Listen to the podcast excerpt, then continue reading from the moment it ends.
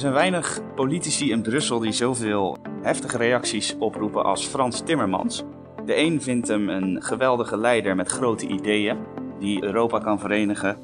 De ander vindt hem een uh, megalomane baantjesjager die vooral veel te veel EU-integratie wil. Dinsdagavond was hij prominent in het nieuws, want hij werd verhoord door het Europees Parlement tijdens een hoorzitting voor de nieuwe Europese Commissie. Onze correspondent in Brussel, Jelte Wiersma, volgde de hoorzitting. Jelte, welkom. Goeiedag. Hoe vond jij Timmermans? Wat voor indruk maakte hij? Ja, Timmermans is in het debat een van de uh, besten die er in Europa rondloopt. Zo toonde hij uh, uh, zich in het Europese parlement ook weer superieur. Um, dat um, begint al met zijn talenkennis, um, waardoor hij de verschillende Europarlementariërs in, zijn eigen, in hun eigen taal kan aanspreken. Ja. Wat al heel veel sympathie opwekt. En uh, hij is verbaal uh, buiten dat uh, heel, heel vaardig en charmant. En dat heeft hij getoond in de verkiezingscampagne voor de Europese parlementsverkiezingen in mei. Waar hij de Partij van de Arbeid de grootste maakte. Ehm, en dat heeft hij in het parlement deze week ook weer getoond. En er zijn weinig in Nederland en in Europa in bredere zin die die vaardigheden hebben. Dat uh, is uh, uh, zeer bewonderenswaardig. Ja, veel applaus in het Europees Parlement, begreep ik ook al. Ehm, vond jij dat applaus terecht? Even los van de fantastische talenkennis die Timmermans tentoonspreidde. Nou ja, dat is natuurlijk een punt. Wat doet hij met die talenkennis en wat doet hij met zijn verbale capaciteiten in bredere zin? Um, Timmermans um, is een man die een wille zur macht heeft. En um, we hebben hem vroeger nooit zozeer over een groene agenda gehoord. Maar nu hij uh, als een soort supercommissaris is uh, aangesteld door de regeringsleiders uh, van de 27 en um, eigenlijk 28 EU-landen, um, is hij opeens een soort groene pauze aan het worden. Ja, de klimaatchef, hè? Dat, dat, dat gaat hij worden dat moet hij worden. En uh, uh, niet in de laatste plaats wordt het aangejaagd uh, door de Nederlandse regering. premier Mark Rutte, die ook nooit zo groen, met groen bezig was, die vond dat windmolens op subsidie draaien en niet op wind. Die heeft zich ook tot het klimaatgeloof bekeerd. En, snel bijgedraaid. ja. heel snel. En Timmermans is de, de, de puppet die namens Rutte 3 uh, heel Europa moet gaan overtuigen uh, dat um, we, we uh, moeten stoppen met het uitstoot van broeikasgassen, want anders gaat de wereld naar de knoppen. Ja, het begon um, vorig jaar nog redelijk klein met een verbod op plastic rietjes. Maar gisteren had hij het over grotere plannen? Ja, de, het gaat nu helemaal los. Um, uh, Timmermans wil een, uh, een uh, fonds op EU-niveau van 1000 miljard euro. Dat grotendeels betaald zou moeten worden, of deels mogelijkerwijs uit het lopende jaarbudget van de Europese Unie, dat 145 miljard zo'n beetje bedraagt. Met de, de, deze 1000 miljard zouden vooral landen moeten worden geholpen die nog erg afhankelijk zijn van energie uit steenkool. Uh, die zouden een transitie moeten bewerkstelligen naar eerst uh, aardgasdeels en uh, later naar windmolens, zonnepanelen, mogelijk zelfs kernenergie weer. Want dat komt toch weer terug. Um, dat klinkt hoopvol. Nou, wat kernenergie betreft wel, alhoewel daar zal weinig op gebeuren, vermoed ik. Um, maar um, de, wat zo zorgelijk is, is dat de meeste commissarissen in Brussel, die zitten daar eigenlijk als vertegenwoordigers van hun nationale regering. Je moet je zo voorstellen, alle uh, regeringen van uh, de Europese Unielanden, die mogen een uh, kandidaat voordragen voor de Europese Commissie. en um, nou, daar is onderling babbelen ze daar wel even over natuurlijk wie wat krijgt. Sterker nog, er is een EU-top aan te pas gekomen die drie dagen geduurd heeft om dat uit te maken. Ja. en dan mag het Europese parlement nog eens even kijken en babbelen met die mensen, vra vragen stellen in hoorzittingen en, en al dan niet accepteren. Nou, het Europees Parlement accepteert bijna altijd iedereen, maar ze schieten altijd wel één of twee kandidaten af. Um, maar terug naar het hoofdpunt, want dat is het. Waarom zijn er 28 commissarissen? Of eigenlijk zijn het er 26 plus een hoge buitenlandvertegenwoordiger plus de voorzitter van de Europese Commissie. Dat is omdat elk land per se uh, een vertegenwoordiger in Brussel wil hebben. Die een informatiepositie heeft. Die weet wat er binnen de Europese Commissie speelt. Die daar kan lobbyen voor nationale uh, kwesties.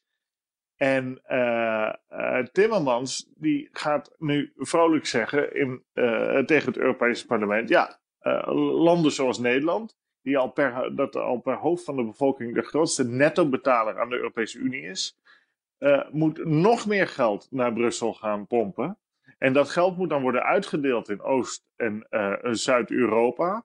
Uh, om landen te helpen de energietransitie op gang te brengen. Dat is natuurlijk wel een beetje eigenaardig. Dus in Nederland worden door Rutte drie eerste belastingen verhoogd.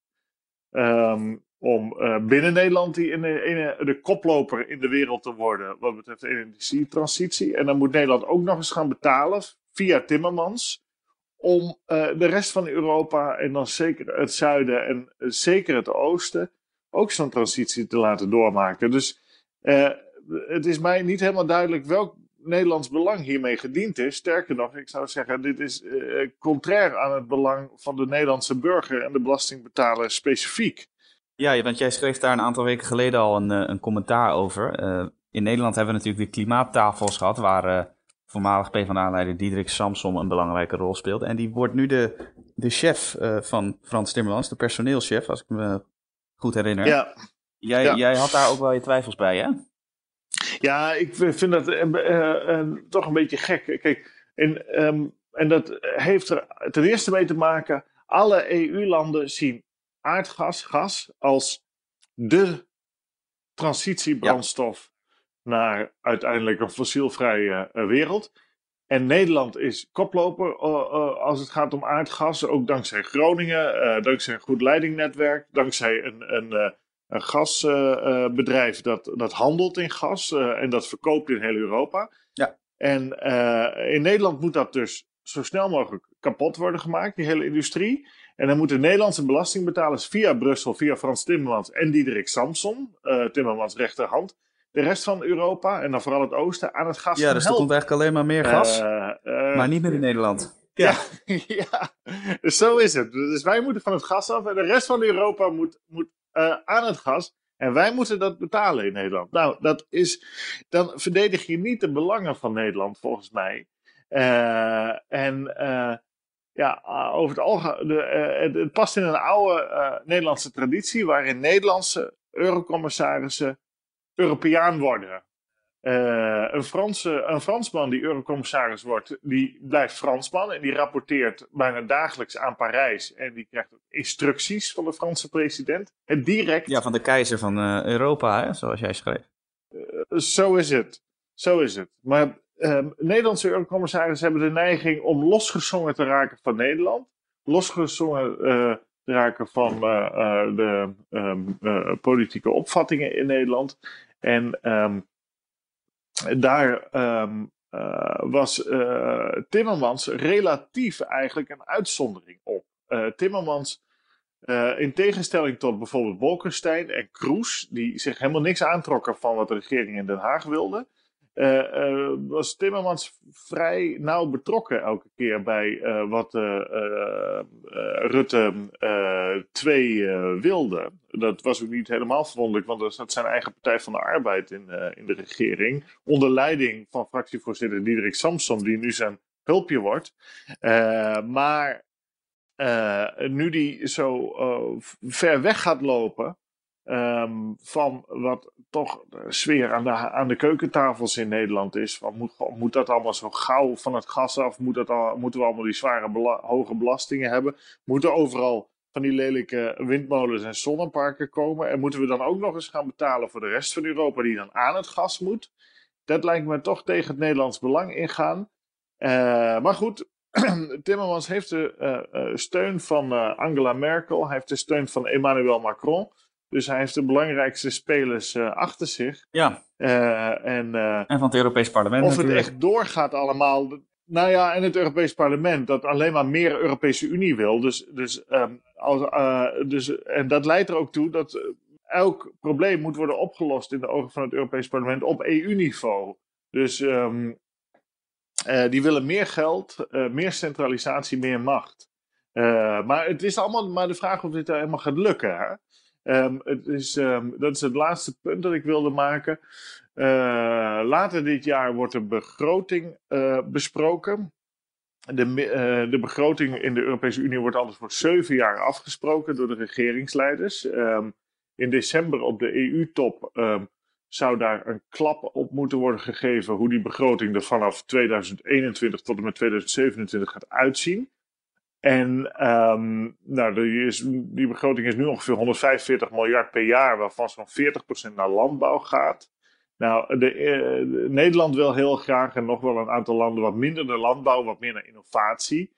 Maar uh, wat meer naar defensie en dus meer naar groen, duurzaam, transitie. De Green Deal uh, van en, Timmermans.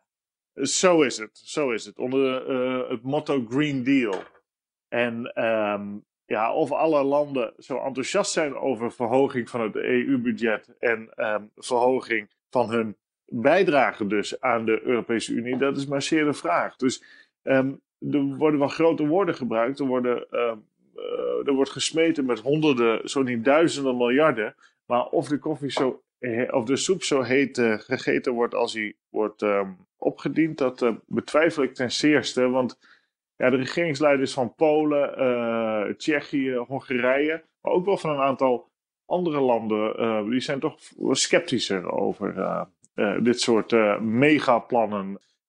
de vraag of Timmermans een zin krijgt met van der Leyen samen is, zal de komende maanden worden beantwoord. tijdens de aanstaande EU-top op donderdag 17 en vrijdag 18 oktober in Brussel wordt al gesproken over het meerjarig financieel kader, zoals dat uh, uh, dan zo mooi wordt genoemd. Dat zijn de politieke onderhandelingen over de EU-begroting van de volgende zeven jaar. Dus er wordt in één klap voor zeven jaar afgesproken hoeveel geld de EU beschikbaar krijgt. En dat geld wordt grotendeels gelabeld door de regeringsleiders. En gezegd: dit gaat naar landbouw, dit gaat naar innovatie, dit gaat naar defensie enzovoort. En Nederland wil een lagere EU-budget, minder naar landbouw en vooral uh, minder naar uh, steun voor arme regio's. En Nederland wil vooral meer uh, defensie en vooral innovatie en dus groen, Green Deal. Dat, dat zijn de drie hoofdpunten van Nederland. Dus lager en meer naar een toekomstig budget, dus toekomstige economie, de schone energie, defensie ook Hè, de dingen die voor de komende jaren belangrijk worden. En, en niet boeren in, in, uh, uh, in leven houden die uh, economisch niet rendabel zijn. Nou, nu is het speelveld wel zo dat in het grootste deel van Europa er heel veel boeren zijn die ook electoraal krachtig zijn. En uh, daar zijn de opvattingen niet zo um, als in uh, uh, Den Haag of bij meneer Timmermans. Nee, dat zagen we vorige week ook weer bij het protest. Zo is het, zo is het. Dus, um, en zeker landen in Oost-Europa en Zuid-Europa, daar is de, de boerenlobby sterk. Daar is de, die, die willen ook niet meer gaan betalen aan de EU. want daar is grote sceptisch. En in sommige landen zitten ze ook gewoon financieel knijp. Dus um, het is maar helemaal de vraag of uh, hier wat gaat gebeuren. Uh, als er iets gebeurt. Ja, nou, dat gaan we, gaan we volgende week uh, zien hè? Bij, de, bij de Europese Raad. 17 en 18 oktober, je zei het al. Ja, dat wordt hem. Dat wordt hem. Voor, voorlopig, voorlopig. Ja, nou, daar zijn we uiteraard weer, weer bij. Om, om verslag te doen met een podcast en natuurlijk ook voor het blad.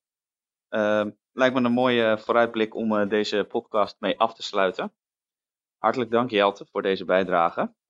Wilt u nou uh, meer podcasts luisteren van Elsevier Weekblad, dan kunt u natuurlijk uzelf abonneren via bijvoorbeeld Spotify of iTunes, Elsevier Weekblad. Maar u kunt ook surfen naar de website www.elsevierweekblad.nl slash podcast.